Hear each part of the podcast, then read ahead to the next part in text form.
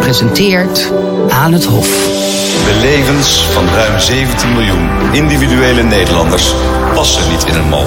Hij doet er alles aan om, uh, om, om Nederland uh, op de kaart te zetten, maar ook in Nederland heel verbindend te zijn. Uh, vooral partijen erbij te trekken die misschien in de marge komen. Aan het Hof. Aan het Hof. Hoi en welkom bij deze podcast van Vorsten aan het Hof. Hier kom je alles te weten over koninklijke huizen, wat hen bezighoudt en wie ze zijn. Wat is Vorsten? Het mooiste glossy tijdschrift over de royals van de wereld. Echte berichtgeving, niks geen roddels. Leuk dat je luistert. Mijn naam is Justine Marcella en ik ben hoofdredacteur van Vorsten. In deze aflevering praten we over de mode van koningin Maxima en over alle heisa rondom Harry en Meghan. We rollen de oranje loper uit voor Nederlands misschien wel meest fanatieke oranje fan en horen wat er op de redactie leeft. Maar we beginnen met de kledingkast van koningin Maxima of kunnen we beter zeggen walk-in closet te grootte van een ballroom. Bij mij aan tafel zit Josien Drogendijk. Zij werkt voor Forsten en is de specialist op het gebied van onze modekoningin. Welkom, je hebt je dochter Elle meegenomen. Ja. En je bent jarig, gefeliciteerd. Ja. En Elle heeft een beetje last van doorkomende tandjes. Dus misschien praat ze zo nog even mee, denk ik. pakt even haar uh, eigen tijd, denk ik. Ja. ja, maar ik zei al, van een walk-in closet ter grootte van een ballroom... hebben we enig idee hoe die kast eruit ziet van ons koningin? Nee, dat niet. We weten wel hoeveel kleding er ongeveer in hangt. En dan heb je het ook echt alleen nog maar over de, publiek, de kleding die publiekelijk gedragen is. Dat zijn er inmiddels duizend outfits ongeveer. Maar goed, ze heeft privé ook nog heel veel kleding op voorhanden. Dus je kunt je wel voorstellen, dat moet enorm zijn. Maar niet van uh, of dat op Paleis Noordeinde is. Huis ten Bos. En of op kleur gesorteerd. Of een schoenenkamer, een hoedenkamer. Bij uh, Prinses Beatrix hing het altijd op kleur. Dus ik kan me voorstellen dat zij dat ook heeft gedaan. Maar goed, dat blijft echt uh, nou ja, gissen. Want koningin Maxima heeft wel een kamenier. Maar die houdt echt haar mond nou ja, helemaal dicht. Dus daar, daar horen we absoluut niks van. Van de koningin ook niet. Dus nou, het is het geheim van Paleis Huis ten Bos. We weten dus wel dat het echt op Paleis Huis ten Bos is. Ja. ja. En, jij weet altijd als eerste wat ze draagt. Hè? Dat, dat zien we. Dan zijn we op, mee op staatsbezoek in India. Jij bent gewoon in Nederland. En iedereen in India zit op jouw website te kijken. Uh, want wij zien wat ze aan heeft, maar weten dan nog niet van wie het is. En jij wel. Hoe kan dat? Uh, ja, dat wordt mij heel vaak gevraagd. En uh, kijk, als ze bekende kleding draagt, dan herken ik dat gelijk. En dat is denk ik gewoon, dat heb je of dat heb je niet. Maar als je het over ontwerpers hebt van een nieuwe outfit, dan is het toch wel vaak dat ik, nou, ik, ik kan uren doorbrengen op websites van ontwerpers. En dan zie je wel bepaalde stoffen, bepaalde stijlen, beleidingen. En als je die herkent, nou ja, dan is het heel vaak uh, nou ja, even contact opnemen of even kijken en dan weet je genoeg. En hoe ver gaat die kennis? Weet je bijvoorbeeld ook wat voor soort panties ze draagt? Uh, nee, dat, nou, ik vind ook, kijk, mode, dat zit natuurlijk heel dicht op je huid. En uh, ik vind het wel heel de leuk. Panties ook. Pant, maar panties vind ik te dicht op de huid, wat dat betreft. dan denk ik, ja, de, kleding, daar mag je echt wel over praten. Ik denk dat koningin Maxima, of ik weet dat koningin Maxima daar geen probleem mee heeft. Uh, maar ze mag ook echt wel wat privé houden. En krijgt ze hulp bij wat ze, wat ze koopt en aanschaft? Nou, wat ze koopt, kijk, ze, heeft, ze werkt natuurlijk samen met ontwerpers die ook echt wel hun mening paraat hebben. Uh, maar Maxima heeft geen styl, stylist, zoals vaak wordt gezegd, die tegen haar zegt: je moet vandaag een rode hoed op of een groene hoed op. Nee, dat niet. Maxima zoekt echt zelf haar kleding uit. Ze koopt ongeveer 70% van haar kleding bij Natal. En als ze daar is, dan komt ze ook echt Natal, alleen. de Belgische, ja, de Be het Belgische, Belgische modehuis ja. met Eduard Vermeulen aan het, uh, aan het vlaggenschip. Ja, nou en als ze daar is, dan is ze ook echt alleen daar met haar beveiligers. Dus ze zoekt het echt helemaal zelf uit. Maar ze bestelt ook veel online. Ja, ze bestelt ook veel online. Nou ja, daar heb je natuurlijk al helemaal geen hulp bij nodig. Uh, als je een beetje smaak heeft. En dat heeft Maxima natuurlijk. Ze weet vooral een hele interessante stijl neer te zetten. Dus ik zeg altijd stijlclash naar stijlclash. Dus als je normaal gesproken een pakje draagt à la Jackie Kennedy... dan draag je daar een pillbox bij. Dan draag je accessoires à la Jackie. Maar Maxima doet dat niet. Die draagt modern met klassiek, sportief met heel chic. En dat vind ik juist zo interessant aan haar. Heeft ze ook wel eens modeflaters? Ja, absoluut. Dat is natuurlijk ook wel weer het nadeel van het feit dat je alles zelf uitzoekt. Dat er niet iemand is die zegt van nou, oeh, dat kunt u beter niet doen. Uh, dus ja, dat heeft ze zeker wel. Maar dat maakt haar ook wel weer menselijk. En ik vind altijd dat dat haar magie is. Ik, bij mij valt altijd op, ze heeft van die rode Laboutin uh, schoenen. En naar mijn idee zijn die net een maatje te klein gekocht. Omdat die teen er echt uit piept. Ja, nou ik moet zeggen, maten dat is dan weer niet Maxima's sterkste punt. Uh, je ziet ook wel vaak dat kleding bijvoorbeeld te strak of juist te wijd zit. Dus uh, dat zul je bij Prinses Beatrix bijvoorbeeld nooit zien. Die laat gerust een, een, een, een naad van een mantelpakje 9, 10 keer opnieuw doen als die niet perfect zit. Nou, dat zul je bij Maxima niet zien. Dus maten, nee, dat klopt niet altijd. Maar goed, Maxima heeft ook niet de makkelijkste schoenmaat. Natuurlijk 42, 43. Veel merken, schoenmerken, vooral de grote merken, die gaan maar tot 41. Nou ja, wie mooi wil zijn, moet pijn lijden, geldt dan. En heb je een favoriete outfit? Uh, nou ja, toch wel de inhuldigingsjurk. Dat is natuurlijk heel cliché, maar die klopte gewoon, uh, nou ja, van kruin tot teen. Om, alles klopte gewoon. Het prachtige verfijnde borduurwerk, de kleur, de beleiding. Ik denk niet dat ze dat ooit nog gaat overtreffen. Je dochter wordt ondertussen ja, ontvoerd door onze redacteur Carlijn. Die gaat uh, wat leukers doen, denk ja, ik, dan deze podcast. Uh, dat is voor een, een, klein babytje natuurlijk nog niet helemaal.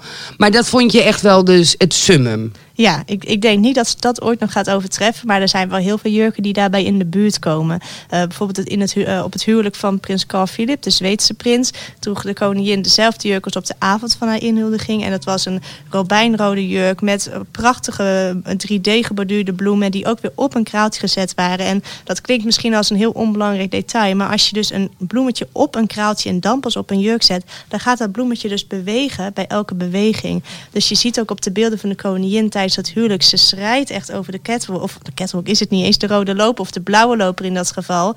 En dan zie je zo echt zo'n hele bloemenzee aan bloemetjes die meedijnt. Ja, dan denk ik van, dat is waarom ik koninklijke mode zo interessant vind. Want wie draagt er tegenwoordig nog couture? Nou, bijna niemand meer. Die klantenkring wordt steeds kleiner van de echte couturiers. En wie dat wel draagt, ja, dat is onder andere koningin Maxima. En let je dan alleen op wat de koningin aan heeft of kijk je ook naar wat de koning aan heeft? Ik kijk ook absoluut naar wat de koning aan heeft. Bijvoorbeeld op, uh, op het staatsbezoek aan India, dag 1, uh, de, de, officiële ontvangst en zo. Nou, dan hebben we het over de kantenjurk van koningin Maxima. Oh, de beleiding, dit, de stof, dat. Maar Maxima deed geen kledingwissel en koning Willem-Alexander wel. Maar daar hoor je echt helemaal niemand over. Maar als ik het op mijn website zet, wordt het ook niet aangeklikt. Dus het klinkt heel gemeen. Maar ja, dan uiteindelijk is het ook werk. Dus dan besteed ik toch mijn aandacht liever aan de koningin. Raak je zelf geïnspireerd door, uh, door koningin Maxima, door haar kleding? Ja, nou als klein meisje wel meer. Want ik, ik heb bijvoorbeeld de blond haar met een zijscheiding. En ik had altijd een rechte scheiding. Maar toen zag ik haar in 2001. Toen dacht ik, ik wil ook een zijscheiding. En die heb ik nu nog steeds. Uh, dus soms wel, vooral ook kleurencombinaties. Bijvoorbeeld vorige week droeg ze rood met bordeauxrood. Nou, dat zou ik zelf nooit bij elkaar zoeken. Ik kies vaak voor rood en zwart. Of rood en, en, camel bijvoorbeeld. En nu dacht ik, hé, hey, ik ga ook eens kijken of ik rood en bordeauxrood kan doen. Dus dat wel. Maar allereerst, haar outfits zijn veel te duur voor mij natuurlijk. Dat kan ik gewoon simpelweg niet betalen. Maar het is ook niet dat ik een kopie van Maxima wil zijn. Ik laat me graag inspireren, maar ik geef er ook wel weer mijn eigen draai aan. En je hebt in uh, Forsten je eigen moderubriek. Ja. Uh, die hebben we helemaal gepimpt uh, met z'n allen. het wordt echt een Royal Catwalk. En daarin ga je eigenlijk ook een tips geven van hoe je er in de stijl van een royal uit uh, kunt zien. Ja, ja. We hebben de eerste versie al gezien. Zin in? Omdat, uh, ja, ik heb er heel veel zin in. Ik vind het een hele leuke, speelse, nieuwe manier om ook weer uh, aandacht te besteden aan mode. Ehm, dus ja, alle royals komen aan bod. Dus ja, ik heb er heel veel zin in. Ja, alle royals komen aan bod. Want we hebben het natuurlijk over Koningin Maxima. Maar als je even over de grens kijkt. Wie vind je dan echt nou, met kop en schouders te, op fashion gebied eruit springen? Nou, daar hoef ik niet over na te denken. Dat is Letitia. De koningin van Spanje. Ja, in de tijd dat Spanje echt heel erg te maken had met een crisis... dan ging ze heel vaak eh, nou, gehuld bijna in van die grijze, muisgrijze pakken. Er was eigenlijk geen kraak nog smaak aan. Maar dat had er ook heel erg mee te maken... dat ze als, als prinses toen nog heel voorzichtig moest zijn met wat ze droeg. Want als ze te veel uit zou pakken... dan was dat misschien wel het einde van de monarchie. En je ziet dat het nu wat beter gaat. Zie je ook dat ze nou, enorm uitpakt. En zij is echt de allereerste die nieuwe trends oppikt. Die verder durft te gaan dan iedereen. Een leren culotte van Maxima, dat is een soort hè, wijde kuitbroek. Ja, een broekrok ja, noemen wij ja, het. een eh. broekrok het, nou ja. uh, maar goed, dat, uh, dat vonden wij in Nederland heel bijzonder. Maar dat had Letitia al jaren teruggedragen. Dus ik, ja, ik, ik bewonder haar absoluut qua stijl. Alleen ik vind uiteindelijk wel, Maxima heeft zo'n ja, zo'n prachtige, sterke uitstraling. Uiteindelijk bepaalt dat wel hoe een look overkomt, ja of nee. Dus qua mode vind ik Letitia interessant. Maar ik vind dat het bij Maxima mooier en beter overkomt. Is Maxima, Maxima, Maxima nu een, een trendsetter of een trendvolger? uh, een trendvolger meer. Uh, ze heeft wel, wel ze inspireert zeker wel mensen, dat absoluut. Uh, maar haar kleding staat zo ver van het, de kleding van de Nederlandse vrouw, of dat ik niet denk dat als Maxima vandaag een mantelpakje van groene zijde draagt, dat wij morgen allemaal aan het schoolplein of op kantoor willen zitten met datzelfde groene mantelpakje. Maar je ziet bijvoorbeeld wel na de inhuldiging best opeens hing overal koningsblauw in de winkel. Dus ze inspireert zeker wel, maar wij zijn denk ik ook te nuchter. En de pashmina's. Ja, de maar natuurlijk ook. Maar uh, bijvoorbeeld Maxima droeg onlangs ook een, uh, nou, echt een kanariegeel broekpak van Zara. Was gewoon nog heel lang daarna verkrijgbaar. Dus dat heeft niet dankzij haar opeens dat het de winkel uitvloog. En dat zie je natuurlijk bijvoorbeeld bij Megan zie je dat wel. Dus uh, ik denk dat wij te nuchter zijn om eh, als Nederlanders ook om nou ja, Maxima één op één te kopiëren. Maar ze is natuurlijk wel een stijlicoon. Dus ik zou haar niet een trendsetter willen noemen, maar wel een stijlicoon. Ja, je had het net al even over haar kamenier. Hè? Dat is, uh, uh, nou, daar gaan we het zo over hebben. Ik zag namelijk bij het staatsbezoek aan uh, India, zag ik op het busje waar de hofhouding in zat, zag ik de naam van de visagiste. Ja. De kamenier, de valet. Kun jij nou eens uitleggen aan de luisteraar wat het verschil is tussen die drie?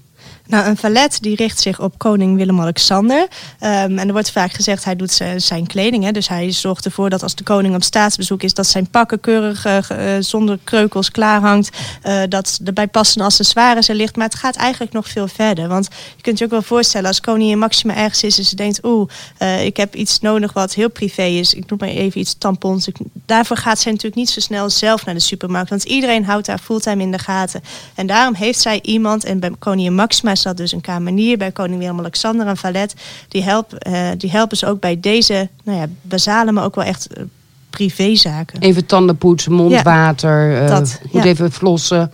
Ja, ja. maar, maar die reis... is er niet de hele dag bij. Nee, maar op, maar op uh, voor Prinses Beatrix heeft wel de kamenier van Prinses Beatrix is vijf dagen op, vijf dagen af. Dus vijf dagen is zij dan ook aanwezig hè, op, uh, op de Rakenstein en dan vijf dagen iemand anders. Dus die heeft wel de hele dag hulp tot haar beschikking.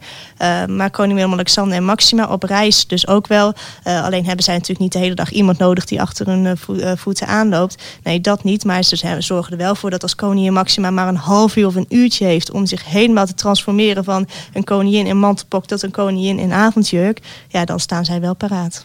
En de visagiste, ja, ik, ik weet dat ze niet altijd een visagiste heeft. Nee. Wanneer nou wel en wanneer niet?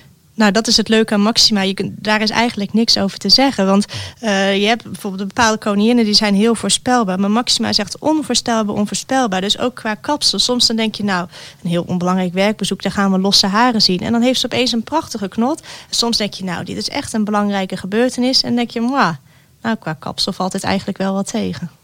Ja, op haar haar krijgt ze wel altijd heel veel kritiek. Terwijl, ja, ja ik, ik ben ook niet gezegend nee. met het meest perfecte haar. Soms wil het gewoon niet. Nee, ja, ik, ik snap beide kanten. Want kijk, ze heeft geen volle bos met blonde lokken... zoals uh, bijvoorbeeld de Deense kroonprinses of de Spaanse koningin. Dat je gewoon kunt zeggen, borstel door je haar en gaan. Um, en ik kan me ook voorstellen dat... allereerst is het natuurlijk niet goed voor het haar... maar ten tweede kost het ook veel tijd. Dus ik kan me wel voorstellen dat zij heel vaak denkt... nou, vandaag geen kapper. Maar aan de andere kant moet, zal ze zich ook moeten realiseren... als zij een werkbezoek heeft... hoe um, informeel dat werkbezoek ook is, de mensen die daar aanwezig zijn, die gaan wel naar de kapper. Die kopen speciaal nieuwe kleding, want oeh, de koningin komt. En dat was natuurlijk ook wel altijd een worsteling van Juliana. Die heeft er ook echt wel openlijk over gesproken. Dat ze zegt, ik wil eigenlijk geen nieuwe kleding meer kopen, maar iedereen komt in het nieuw en daarom moet ik ook.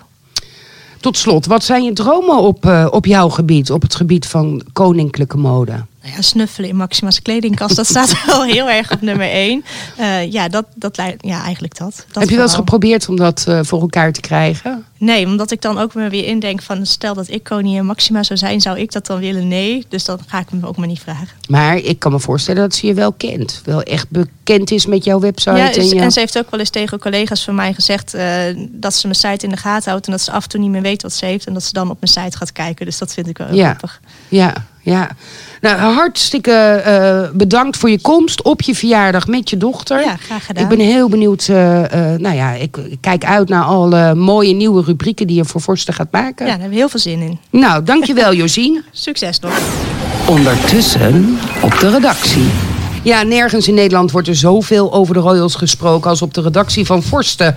Van redactieassistenten tot eindredacteur. Alle medewerkers hebben hun eigen kennis, interessegebied en vooral mening. Bij mij aan tafel zitten Marjolein Beidewelle, Emma Casson en Carlijn Hoftijzer. Met hen neem ik het meest spraakmakende nieuws van de afgelopen tijd door. Ehm, en daarna ga ik nog even met Carlijn verder om te praten over de toestanden met Harry en Meghan.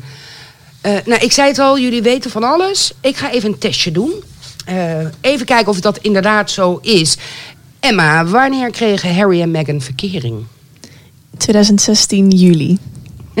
Klopt. Carlijn, hoe heet de ridderorde van Japan? Eh, de Chrysanthus, de hoogste. Kijk, Van, ja. ja. En Marjolein als laatste. Welke armband schittert tegenwoordig om de pols van Maxima? Prachtige olifantenarmband van Cartier. Kan je er nog iets meer van vertellen? Ja, heel mooi. Het is een oude armband. Hij is vintage en het staat, hij staat helemaal zeg maar twee rijen vol met allemaal olifantjes rondom. Prachtig, heel mooi. Nou, ik heb niks te veel gezegd. Jullie zijn hartstikke op de hoogte. Dus logisch dat jullie hier aan tafel zitten. Eh, in deze chit-chat wil ik het met jullie hebben over de documentaire Constantijn. Meer dan een prins. Ehm, laten we meteen maar even luisteren over, eh, naar een stukje. Ik leef eigenlijk zoals iedereen anders. Dus als ik, eh, als ik snel wat nodig heb, nou, dan koop ik het eh, in de supermarkt. Dankjewel. Ja, mensen kij- draaien om en, eh, en kijken je na. En, ehm, en soms spreken ze ook aan. Komt door de baard. En eh, denken dan eh, van, hé, wat doet die hier? Dankjewel. Nee, dank je. Tot ziens. Ik denk ook dat ze niet verwachten dat ik eh, de broer van de koning in, in de supermarkt rondloop. Ja, het begon meteen goed. Eh, een, een prins shoppend eh, in de supermarkt. Eh, heeft dit nou een ander beeld geschetst van deze prins? Ja, vond ik wel. Eigenlijk. Hij is eh, veel toegankelijker dan ik dacht. Ik dacht, dacht dat hij een beetje afstandelijk was. Maar hij is eigenlijk heel, eh, een hele normale, gezellige man. Hij noemde het zelf dat hij af en toe wat arrogant over kon komen. Hè? Ja, daar kan ik me wel iets bij voorstellen. Maar dat is hij helemaal niet, vind ik. Jij, Emma? Ja, we weten natuurlijk niet zo heel veel over hem. Dus dit was, dit was het eerst dat we echt een beetje een eh, blik kregen in zijn gezinsleven en wie hij is. En ik vond, ja, het was ja, anders dan ik had verwacht. Inderdaad, een hele leuke, spontane man eigenlijk. Ehm, ja, ik genoot ervan. ja, hij is zo gewoon, hè? Eigenlijk. Ja, het lijkt me ook wel heel gek als je hem in de supermarkt tegenkomt, trouwens. Dat hij daar ineens in de kassa staat. Met zijn broccolietje. ja, met zijn broccoli. Ja, Ja, ja ik vond het erg leuk. Leuk, eh, leuk beeld van hem gekregen. En een goede kok ook, zagen we. zeker. Ja. Ja, Parmigiano. Ja, was hij aan het maken. Laurentien Met, eh, ook nooit, zei ze. Hij kookt Zij was beter in het tafeldekken, Ja. in het gezellig maken. Ja, ik, snap, ik snap dat wel. Wat, wat, vond je, wat vonden jullie opvallend? Wat, wat ik heel leuk vond is toen hij vertelde over eh, hoe dat voor hem als jongetje was. Toen zijn moeder vertelde dat, hij, dat zij koningin ging worden. Eh, en daar vertelde hij heel open over dat hij echt zoiets had van... Nou, maar nu is ons leven voorbij. Eh, dit is iets heel groots en best wel ergs eigenlijk. Dat, dat, dat hij dat eigenlijk niet wist daarvoor. Nee, Nee. en dat dat voor hem echt wel een, eh, echt een bewustwordingsmomentje was. Dat, dat had ik niet zo verwacht. En ik ben daar ook altijd wel benieuwd naar. Ja, we zagen, hij heeft eerder eh, daarover gesproken toen hij tien was. In eh, 1980 werd hij geïnterviewd door Ad Langeband. En daar was toen al, dat zei hij al, dat hij er echt geen pest in had om te verhuizen. Want daar had hij vrijheid. eh.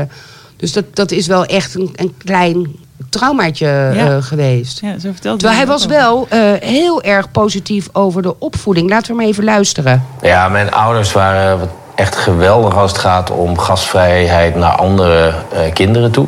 Ze, ze hadden het gevoel dat wij niet zoveel vrijheid hadden buiten het huis. En dan zeiden ze, je mag altijd iedereen meenemen. Dus we mochten vakanties altijd mensen meenemen. Dus, eh, en eigenlijk waren ze, wij vonden ze toen heel streng. Maar eh, eigenlijk waren ze ehm, ja, heel, nou, ons heel, eh, heel genereus. En eh, hebben eigenlijk voor hun behoorlijk wat ruimte gekregen en vertrouwen ook. En eh, dat neem ik zeker mee. Ja, hij zei daarna ook nog wel van eh, dat er nu eigenlijk meer dat het gesprek eh, met zijn ouders vaker één op één ging. En dat er nu in, in, in de huidige generatie veel meer het gesprek op gang komt. Ja, echt met het gezin, Ja. het gezinsleven. Dat zag je ook wel in die documentaire, toch? Dat ze gewoon die kinderen ook eh, gewoon net zo aan het woord waren. De- het is niet zo van papa en mama praten en jullie luisteren of zo. Maar dat was... Nee, klopt, ja. ja. ja en, en dat, eh, dat, dat uitnodigen, thuis uitnodigen, dat is grappige. Dat, dat, dat heeft eh, Willem-Alexander inmiddels ook met zijn kinderen. Dat merk je. Dat die, nu, nu die verhuisd is, dat hij dichterbij woont. En dichter bij de vriendinnetjes Ja, van, de, van prinsessen. Ja. Dat heeft hij ook echt benoemd. Dat, dat, en dat eh, ze ook altijd eh, mensen meenemen op vakantie, toch? Ja, precies. Dus, dus ja. dat, dat, dat thuis uitnodigen, dat lijkt in ieder geval bij Willem-Alexander ook zo te zijn. Dat vond ik Daar kan je natuurlijk al wel iets bij voorstellen. Hè? Van, eh, absoluut. als je inderdaad zo'n bijzondere positie hebt. Dat je dan als ouder zegt van eh, neem, Neem ze maar maar mee. lekker mee. ja, ja. dat ze maar hier komen. Ja. Ja. ja. Gaf het jou een ander beeld? Had je dit ook verwacht, Emma? Ehm, ik weet niet of ik echt iets had verwacht. Maar eh, ja, ik denk meer dat ik een soort van eh, gewoon een interview. En dit was veel meer dat hij ook echt eh, zijn huis zag. En nou, dat hij ging winkelen. En Gewoon eigenlijk de hele normale dingen. En ook dat hij op het eh, voetbalveld stond bij zijn zoon. Dat vond ik ook wel een heel leuk, eh, leuk stuk om heel zo fanatiek rond te zien rennen. Ja, gewoon eigenlijk hoe hij is ook als vader. Naast, eh, en als eh, man naast dat hij prins is. Ja, Carlijn zei het al, het is natuurlijk niet zo. Royals zijn niet gewoon, maar ze streven wel naar zo'n gewoon mogelijk leeftij- eh, le- leven. Ja. En dat is inderdaad ook gillen langs het voetbalveld. Ja, en het contrast tussen ehm, eh, s ochtends werken en smiddags eh balkon eh Noordeinde Prinsjesdag. Dat Ja. vond ik echt het Ja. meest leuke. Ja, dat vond ik zo leuk. grappig, dat, ja. dat, Dat, dat- hij al in pak was en Laurentien Die moest nog niet. opschieten. Precies, ja. en ik, ik zie dan altijd voor me, dat is een hele dag. Dag, weet je, je staat s dus, ochtends nee. op en eh, je doet eerst even een maskertje. Je neemt, Ja. weet je, je neemt er Nee. de tijd voor. Eh, want het is een belangrijke dag. Heel Ja. Nederland, Den Haag, alle kinderen zijn vrij. Ik bedoel, Ja. het is een belangrijke dag. Maar nee, ze zitten gewoon nog tot op het laatste moment aan het werken. En dan en staat hop, Constantijn snel, daar bij Laurentien van... nou, dit kan je kunnen auto doen. Hop, schiet op. We Ja. gaan. Ja. Zo stond hij letterlijk bij haar bureau. ja, dat is heel En ook het stukje dat ze eerst eh, met eh, eh, Pieter van Vollenhoven en Margriet in de koets zaten. Ja. En dat ze dan probeerden elkaar heel erg aan het lachen, Lachen te te- maken. oh, ja. Terwijl je dat eigenlijk niet mocht laten Nee. merken. Dus echt keten in de koets. Ja, Ja. dat is leuk. Ja. Maar vond ik leuk eh, om dat een beetje achter de schermen te horen. Ja, en we hebben, hij, hij had het natuurlijk ook over eh, zijn rol. Hè, dat het toch heel anders is dan bij de vorige eh, generatie. Hij valt onder ministeriële verantwoordelijkheid. Deed daar Ja. Vrij luchtig over, dat hij daar eigenlijk geen last eh, had. Toch vond ik het wel opmerkelijk dat hij toch hier en daar wel echt iets eh, zinnigs zei. Eh, daar heb ik ook een fragmentje van geselecteerd. We staan in de wereld, dus er komen allerlei verschillende invloeden. We hebben historisch hebben we allerlei groepen die, zich, die hier zijn samengekomen, maar vanaf de, vanaf de, de middeleeuwen al. En we hebben onze, onze rijkdom te danken aan, aan migranten.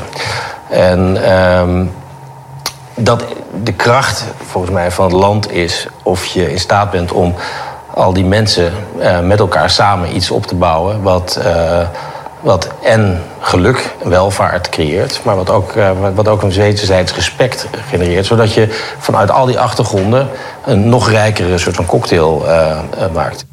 Ja, hij neemt het eigenlijk een beetje op voor de multiculturele samenleving. Ja. En tegelijkertijd hoor ik ook wel een heel eh, koninklijk eh, element hierin. Ja, de verbinding. Ja. Ja. Ja. absoluut. Ja, nou, hij heeft natuurlijk ook gezegd dat hij... ehm, hij is natuurlijk prins. En eh, er is dan, werd hem gevraagd of hij daar dan... eh, nee, niet, wat is het goede woord? Of hij zich daar eh, schuldig over voelt. En dat hij zei, nou, ik voel me niet schuldig over... maar ik heb wel het gevoel dat ik echt iets moet doen met deze rol. Dus eh, ik, ik moet dat wel... eh, Ja, moet aan wel benutten. Benutten. benutten. ja. Ja, nou, dat sluit daar denk ik ook wel op aan. Dat hij dus ook wel eh, ook weer die op die verbinding gaat zitten... die zijn broer ook zo, zo op zit. Ja, en tegelijkertijd was hij ook heel blij dat hij nu eh, toch, dat dat de positie zoals hij die nu invult, dat was bij de vorige generatie niet mogelijk. Hè? Hij heeft natuurlijk toch Die vrijheid die hij heeft. ja, eh, ja, met, met start-ups ja. en eh, bij de Wereld Draait Door zitten om te praten Ja. over start-ups. Het is Ja. toch wel anders dan de rol eh, van, van nou ja, de generatie voor hem. Ja, want hij Ja. heeft heel veel vrijheid. Hij, hij, ehm, er wordt nog wel meebeslist over welke baan die heeft, welke functie. Maar binnen die functie kan hij Kan eigenlijk gewoon helemaal zelf doen wat hij wil. Ja. Ja. En Laurentien ook volgens mij. Die hebben- heeft ook gewoon, dat doet haar ook haar eigen ding. Het is natuurlijk ook een kwestie van vertrouwen. Ik bedoel, De politiek Ja. weet wel dat Constantijn Niet geks ook zo lang eh, Nee. ja, natuurlijk in de politiek eh, zich heeft begeven met Nelly Kroes. Dus Ja. Wat dat betreft eh, wel. eh, je zag ook zijn kinderen veel, hè, Emma. Eh, het ging ook even over social media. Vond jij, want jij bent de jongste hier aan tafel. Vond je het allemaal herkenbaar? Ehm, ja, nou, het is sowieso wel herkenbaar wat ze, ze hadden natuurlijk dat ze hun telefoons met het eten, avondeten, dat die niet in de buurt mochten zijn, zeg maar. En dat herken ik wel. Dat, dat je overdag veel als jongere met social media bezig bent. En ja, dat, dat je daar soms ook wel iets te veel mee bezig bent misschien. En dat ze dus ook in de avond even echt de tijd nemen om met het gezin bij elkaar te zijn. Ja, dat herken ik ook wel. Ja, ik had zelf een beetje van. De koning heeft er natuurlijk ook al een keer wat over gezegd. Van in de, in de vakanties gaan ze uit. Ja. Ik ben Ja. ook moeder, ik geloof Geloof het het niet niet, ik helemaal. Ehm, Nee, ik kan aan tafel wel hoor. Dat is, eh, dat Ja, aan tafel is ook bij ons thuis eh, een no-go area. Eh, maar het is wel natuurlijk een ding van, eh, van nu, dat social Ja. media. Ja. Ja, Daar heeft hij ook het volgende eh, over gezegd. Ik zou wel eens willen dat het publieke debat eh, wat, eh, wat respectvoller zou zijn. En dan vooral in de sociale media. Dat, eh, zeggen, daar, eh, daar vind ik wel eens dat, dat, dat mensen echt van links tot rechts maar elkaar kiel halen over, op een manier die.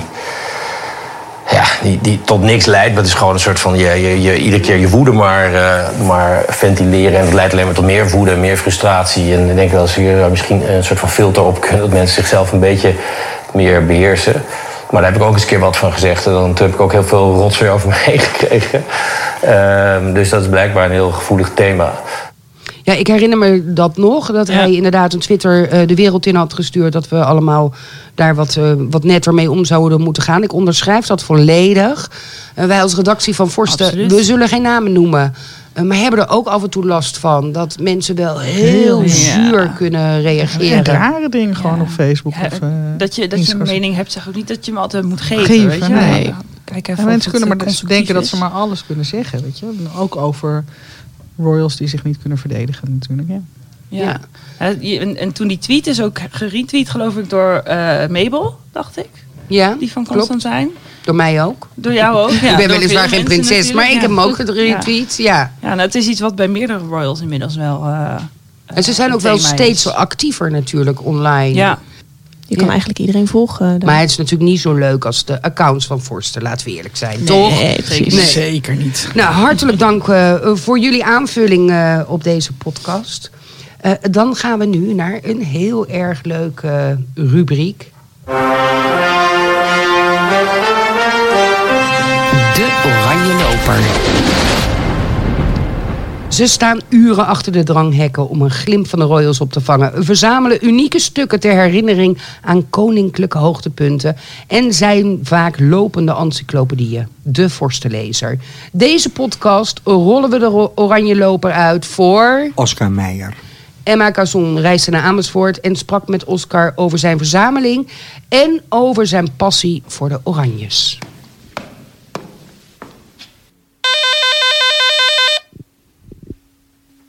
Welkom, kom erin. Wil je een kopje thee? Lekker, graag. Wat een klepeltje wil je erbij? De koning of... Nou, Koningin? wie heeft u allemaal? Ja, ze liggen er allemaal wel in. Ik denk Maxima heb ik hier. Ik heb... eh, de, nou, ik geef je de koning gewoon. Alsjeblieft. Dank u wel. U bent groot Oranje-fan. Hoe is dat ontstaan? Hoe is dat eigenlijk gekomen? Dat is al vanuit mijn vroegste jeugd. Ik kan me herinneren dat ik plaatjes uitknipte van de geboorte van Willem-Alexander. En het défilé op Soesdijk natuurlijk, dat je dat, je volgde. En ach, ik vond eh, koningin Juliane leek wel wat op mijn oudtantes en op mijn oma. Dus ik vond dat gewoon een extra oudtante, zeg maar. En kreeg u dat dan ook mee van uw ouders? Of is dat echt bij uzelf ontstaan? Oh nee, juist niet. Nee, ik, kom uit een, ik kom eigenlijk uit een heel rood nest. Dus mijn, eh, dus mijn ouders hebben het nooit, eh, zo met me, zijn het nooit zo met me eens geweest over, over die monarchie. Maar ja, uiteindelijk was dat toch iets waar ik, waar ik in bleef hangen. Of waar ik, waar ik mee door bleef gaan. En mijn moeder heeft altijd gedacht van nou, het is van voorbijgaande aard. Het gaat vanzelf wel weer over. Laat hem niet te veel, niet te veel eh, moeilijkheden maken. Maar uiteindelijk, ja... eh, kwam ik ermee in de, in de media en, en werd ik alleen maar enthousiaster. En ja, eh, mijn moeder had zoiets van oké, vooruit, dit is het dan. Ik kijk hier om me heen en het ziet er eigenlijk uit als een museum bijna. Aan wat voor mooie, mooie dingen u verzamelt. Kan u daar wat over vertellen? Uw favoriete eh, spullen misschien? Of hoe u daarmee begon ook? Nou, ik, ik had eerst ehm, geen verzameling. Ik vond, eh, ik wilde de, de ontmoetingen met leden van de koninklijke familie, vind ik eigenlijk, en dat vind ik nog steeds hoor. Ik vind de ontmoetingen met leden van de kon- koninklijke familie vind ik leuker en, en spannender dan, het, dan een verzameling. Maar ja, een verzameling is toch ook wel leuk.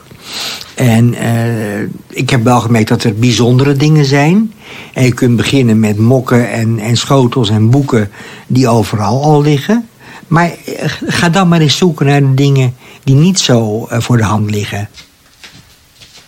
Nou, welkom in de Oranjekamer zou ik zeggen. Ik noem dit Oranjekamer. En je ziet hier een paar interessante dingen. Ook dingen, die, ook dingen die je in andere verzamelingen vindt. Maar er zitten een paar bijzondere dingen tussen. En wat zijn dan die bijzondere dingen? Nou ja, als jij, die, als jij die, dat bulletin even wil voorlezen. Het bulletin van het centrum. Een prins geboren. Zo even ontvingen wij het verheugende bericht dat Hare Koninklijke Hoogheid, Prinses Juliana, het leven aan een zoon geschonken heeft. Wij merken hierbij op dat de jonggeboren prins de titel van kroonprins krijgt en dus rechtens troonopvolger wordt. Ja, wat valt je daarin op? Nou, Juliana heeft eh, alleen maar dochters. Precies. En dat is dus een eh, bulletin waarin wordt aangekondigd dat Juliana het leven heeft geschonken aan een zoon. En waarom bestaat, eh, bestaat dit eigenlijk? Dit, is een, ehm, van een, dit komt uit een drukkerij en daar hebben ze natuurlijk van tevoren twee. je hebt altijd met, met de zwangerschap heb je twee mogelijkheden. Het wordt een zoon of het wordt een dochter. Hadden ze dus twee versies gemaakt. Eh, de prinses is bevallen van een dochter, de prinses is bevallen van een zoon. En deze is dus, die had dus vernietigd moeten worden, maar is dus in mijn verzameling terechtgekomen. En nu hangt het hier eh, Ja. aan de muur tussen alle mooie portretten en foto's. En ook uw dropmomenten met eh, Beatrix. Ja, ik heb altijd jarenlang eh drop aangeboden aan koningin Beatrix op, op, op koning, Koninginnedag. En ja, dat zijn daar de, de beelden van, zeg maar. Hoe kom je dan eigenlijk vooraan te staan bij eh Koninginnedag toen de tijd of Prinsjesdag bijvoorbeeld? Daar heb ik maar één antwoord op, vroeg opstaan. En wat is vroeg? Eh, dat varieert. Eh, maar ik ben meestal wel uren voor de. Voor dat, voor dat, ik sta meestal wel als een, van de, als een van de eerste langs de route. En dat kan met Prinsjesdag is dat eh, belachelijk vroeg. En dan weet ik ook dat ik daar te vroeg, te vroeg ben. Maar ik heb dan toch geen rust. Als ik dan in bed lig, dan denk ik, ja, eh, het is Prinsjesdag. En dan, hup, eruit, eh, oranje trui aan, buttons op en, en gaan. Gaat u dit nog blijven doen? Stel als Amalia. Nou, Amalia is natuurlijk een toekomstige koningin. Blijft u dan eh, nog steeds haar volgen en het koningshuis volgen? Ik heb wel eens staan fantaseren of ik. Ik heb nu de. Ik heb eigenlijk eh, via de televisie destijds de inhuldiging van koningin Beatrix gezien. Omdat ik eh, in dat jaar examen moest doen. Dus ik mocht van mijn moeder absoluut niet naar de dam. Waar ik haar nog steeds dankbaar voor ben. Want ik weet niet wat er dan gebeurd was als ik op die dam gestaan had. En met, en met al die vechtpartijen. Eh, maar goed, dat was in 80. En ik heb toen. Ik heb zelf op de dam gestaan in 2013. En toen hebben we wel afgevraagd. Zal ik hier ook staan als koningin Catharina Amalia wordt ingehuldigd? Ik vind het wel een leuk streven. Maar ik bedoel, eh, we, gaan, we moeten ervan uitgaan... als ik er dan nog ben, dan ben ik hoogbejaard. Maar ik heb het ervoor over om met een incontinentieluier... of wat dan ook, eh, daar toch op de dam te gaan staan... en eh, de nieuwe koningin te zien ingehuldigd worden. Maar ja, alles is in de sterren, we weten het niet. We kunnen maar ik, ik zal er alles aan doen om, om erbij te zijn. Dat zeker. Wil jij ook de oranje loper voor je uitgerold krijgen? Mail dan naar info.forsten.nl. Van Amersfoort reizen we door naar Engeland, naar Frogmore Cottage, de woning van Harry en Meghan. Want het is hommeles. Een aanklacht tegen de media, een kwetsbare Meghan in de documentaire An African Journey, de Britse politiek die het opneemt voor de gepeste Meghan en zo gaat het maar door. Ik heb Carlijn Hoftijzer gevraagd alles eens op een rijtje te zetten. Carlijn, zou je eens de grote lijnen kunnen schetsen? Wat is er, wanneer is het begonnen en hoe is het zo gekomen tot waar we nu zijn? Nou ja, je vat het eigenlijk al best wel goed samen. Maar ehm, eh, eh, het, eh, het het hek is nu inmiddels een beetje van de dam. Sinds Harry en Meghan hun aanklacht hebben ingediend tegen de Daily Mirror. Eh, omdat eh, zij, hij, zij een brief hebben gepubliceerd, een privébrief van Meghan aan haar vader. En da- die zouden ze delen, helemaal- hè? Ja, Zijn- delen. Die zouden ze helemaal uit verband hebben ge- eh, getrokken. En nou, daarmee de, de lezers hebben willen misleiden. En daarmee hebben ze nu echt een officiële aanklacht ingediend. Nou, de, de- zolang Meghan in de pers is, is ook al een doelwit van de pers. Eh, dat is dus sinds, nou Emma vertelde al, sinds eh, juli eh, 2016 hebben ze verkering. Maar dit is nu wel echt het hoogtepunt, kunnen we zeggen, of het dieptepunt. Misschien is dat een beter woord. In eh, ja, de strijd, de strijd tussen de royals en de pers. Ja. Nou, het is, het is wel echt een strijd. Ik bedoel, Harry maakt zelf de vergelijking met zijn moeder.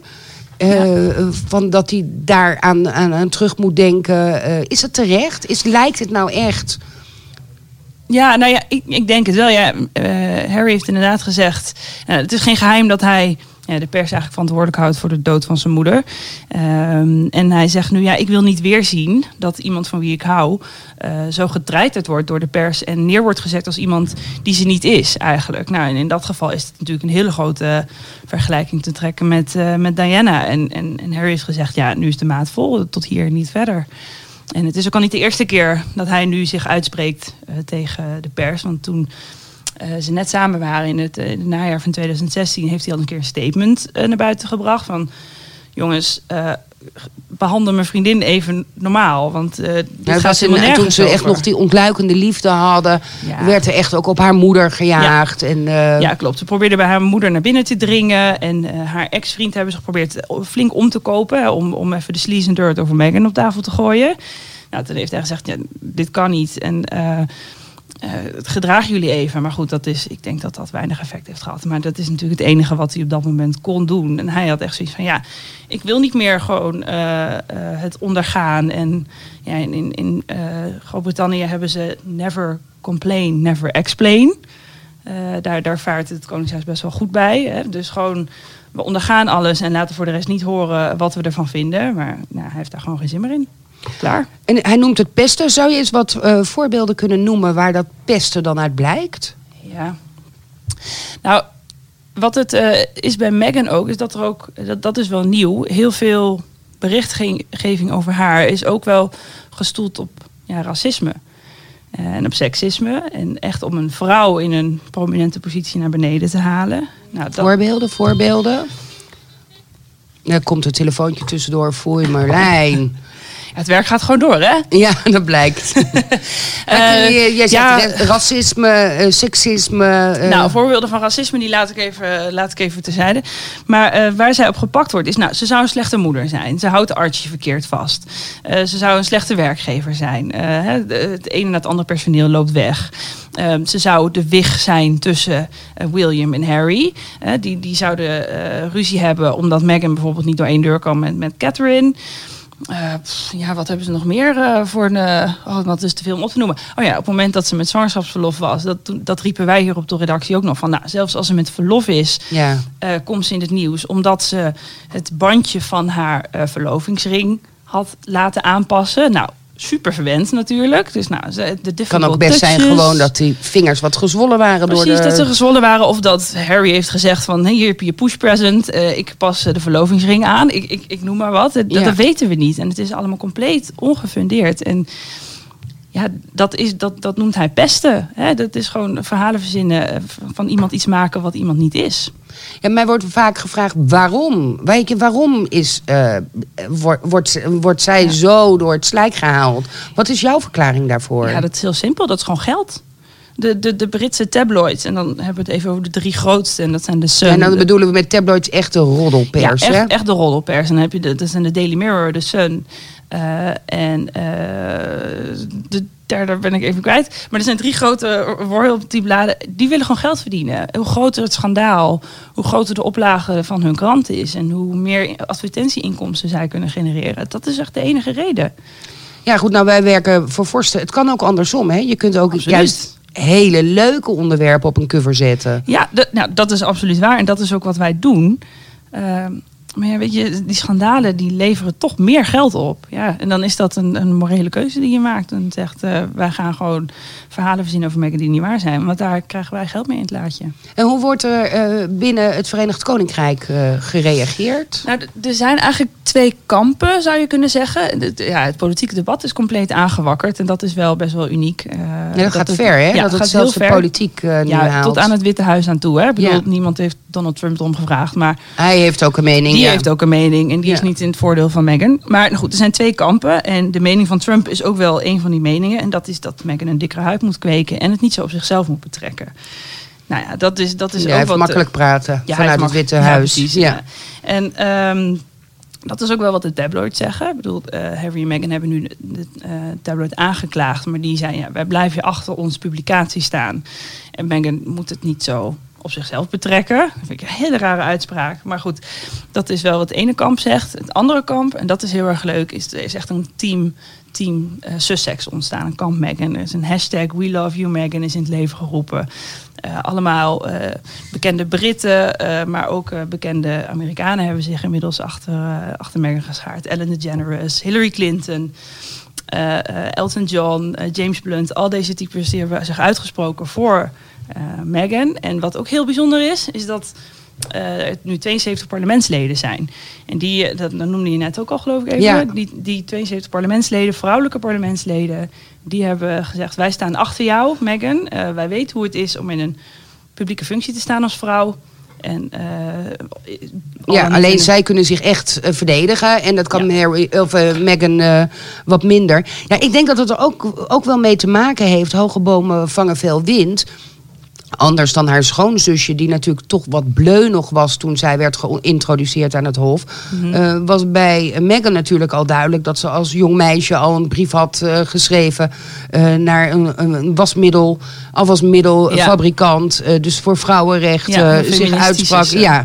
Dus ze had wel al het een en ander nagelaten voordat ze haar eh debuut maakte Ja. als royal. Ja maar, ja, maar wat zij zei, eh, en dat heeft ze in die documentaire gezegd. het- eh, toen zij iets begon met Harry, hadden haar Britse vrienden gezegd: Hij is vast hartstikke leuk, maar doe het niet. Ja. Want de British tabloids, they will destroy you. They will destroy your life, hadden ze gezegd. Toen had zij zoiets van: Ja, maar dat valt wel mee, want ik sta nooit in de tabloids. Nee, ze, was ook, ze dacht ook van ik ben als filmster of als actrice, filmster groot woord, maar als actrice wel wat gewend. Alleen niet dat het zo gemeen zou zijn. Nee, want eh, eh, nee, ze was toen niet. Ze hoefde geen doelwit te zijn toen. Hè. En, nu ze naar eh, Engeland kwam, eh, ja, hè, ze was gewoon een money machine voor de tabloids.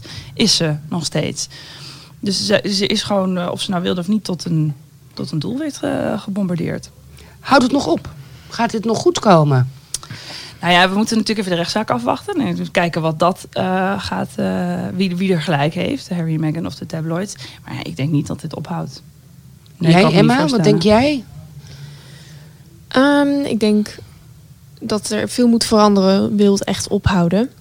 Ik eh, hoop het heel erg voor hem, maar ehm, Als je nou een PR-dame zou zijn, wat zou je ze adviseren? ehm, ja, er is natuurlijk ook veel eh, geluid over dat ze misschien hun titels af zouden geven. Ik weet niet of ik dat zou adviseren, maar ehm, Nou ja, als zij een titel afgeven, stel hè, dat ze dat zouden doen. eh Dus geen hertogin gezien. en Nee, dat, ze geen, geen meer. koninklijke titels meer hebben. Dat zou ze misschien wel hebben. Want voor celebrities gelden toch wat andere regels. Dus dan eh, zijn ze net, denk ik, net iets minder interessant voor de tabloids. En ehm, kunnen ze iets meer van zich laten horen dan dat ze Ja, ik geloof Ja, daar ik niet dat- Ik zo. ook niet. Ik denk dat de Queen het nooit eh, toe zou staan. Echt niet. Nou, ik denk ook dat het niet helpt. Want ook als je je titel inlevert, ze zijn wel onderdeel van, Van de koninklijke familie. familie, ja. Het is wel de broer van William, Ja. eh, ooit troonopvolger. Ja, maar ze kunnen misschien wel zich meer laten gelden.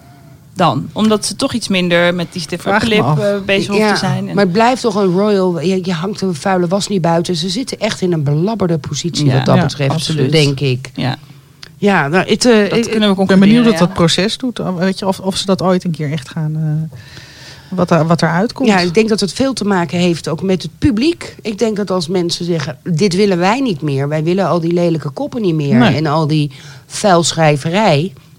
Eh, dat dat dan misschien ook wel eh, een verandering ka- teweeg kan eh, brengen. Ja, maar je bent toch nieuwsgierig. De, mensen zijn zeggen. zo nieuwsgierig dat, en dat de wil je Engelsen zijn blijven het lezen. zo gewend. Weet je, Of je, die- nou, ja, ja, die of je nou gelooft of niet, je blijft het lezen. Ik denk dat de tablets blijven een publiek houden. Denk ik ook. Ja. Absoluut. Zeker in Engeland.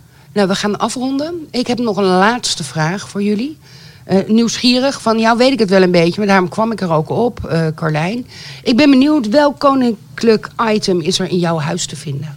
Welk, oh, Ja, bij jou weet item? ik hem. We gaan nog even naar Engeland. Ja, ja, ja. Naar Engeland. eh, ik heb eh, meerdere... Niet naar Engeland. Maar, maar- Spiegel. oh, mijn spiegel. Ik dacht dat je het wilde hebben over de foto van Juliana. Oh, die ook, ja. Waarvan niemand weet eh, wat de herkomst is. Nee, ja, je hebt een hele bijzondere foto van Juliana. Ja, mag, mag ik wel eerlijk bekennen dat toen ik hem kocht, ik niet doorhad dat het Juliana was. maar hè? toen werkte je ook nog niet voor Toen werkte Forster. ik nog niet bij Forsten. Dat is al heel lang geleden. En toen zei mijn moeder op een gegeven moment, weet je eigenlijk wel wie die vrouw is? En toen was het Juliana. En toen kwam ik hier net werken. En toen heb ik aan jou gevraagd, weet jij waar deze foto vandaan komt? En we hebben iedereen gevraagd, maar niemand Kent hem. Kent Nee, hem. Het is een hele bijzondere foto. Ja, nee, en ik heb inderdaad ook een spiegeltje met, eh, met Kate en eh, William. eh, toen ze gingen trouwen. Dat, en hij is al kapot zelfs, maar ik, ik blijf hem gebruiken. Ik heb toen Ja. ik in Londen was voor jou gezocht naar een eh, spiegeltje met Harry en Meghan. Maar is ik heb niet, hem hè? gevonden. Nee, ik heb zelf ook gezocht weer. Ik heb wel een theelepeltje hoor, van Harry en Meghan. Ja, maar dan kan je niet zo goed jezelf weer bekijken, toch? Oh, die glinstert heel erg. En jij, Emma? Ah, ik heb niet heel veel eh, spulletjes. Ik heb wel eh, eh, twee eh, Britse Vogues. Nou, die van Meghan. Van eh, recentelijk van eh, 2019 september was zij natuurlijk de guest editor daarvan. Maar ik heb ook die van eh, Kate. Met het eh, 125-jarige jubileum van eh, Britse Vogue stond zij op de cover. Dus eh, die heb ik ook in mijn collectie. Ja, maar niet iets van een theelepeltje of een... Nee, nee. Nog niet. Ik heb nog een heel leuk pillendoosje van eh, vlak voordat eh, Diana en Charles gingen trouwen, was ik in Londen. Dus daar heb ik nog een pillendoosje van. En dat, Oh, je bent echt één generatie verder. Terug. Ik, gewoon, gewoon, ja, ik ga gewoon elke generatie. Ik bij. William en Kate en jij bij... eh, Ja. Nou, ik, eh, ik vond het een, eh, een hele leuke, eh, leuk om te doen, deze eerste podcast. Ja. We gaan afronden. Dit was de podcast Aan het Hof van Forsten. En wil je nou op de hoogte blijven van het koninklijke nieuws... dan kun je ons natuurlijk volgen op Instagram, Facebook, Twitter, Pinterest... en natuurlijk onze website. Elke podcast sluiten we af met een andere versie van het Wilhelmus. Bedankt voor het luisteren en tot de volgende keer.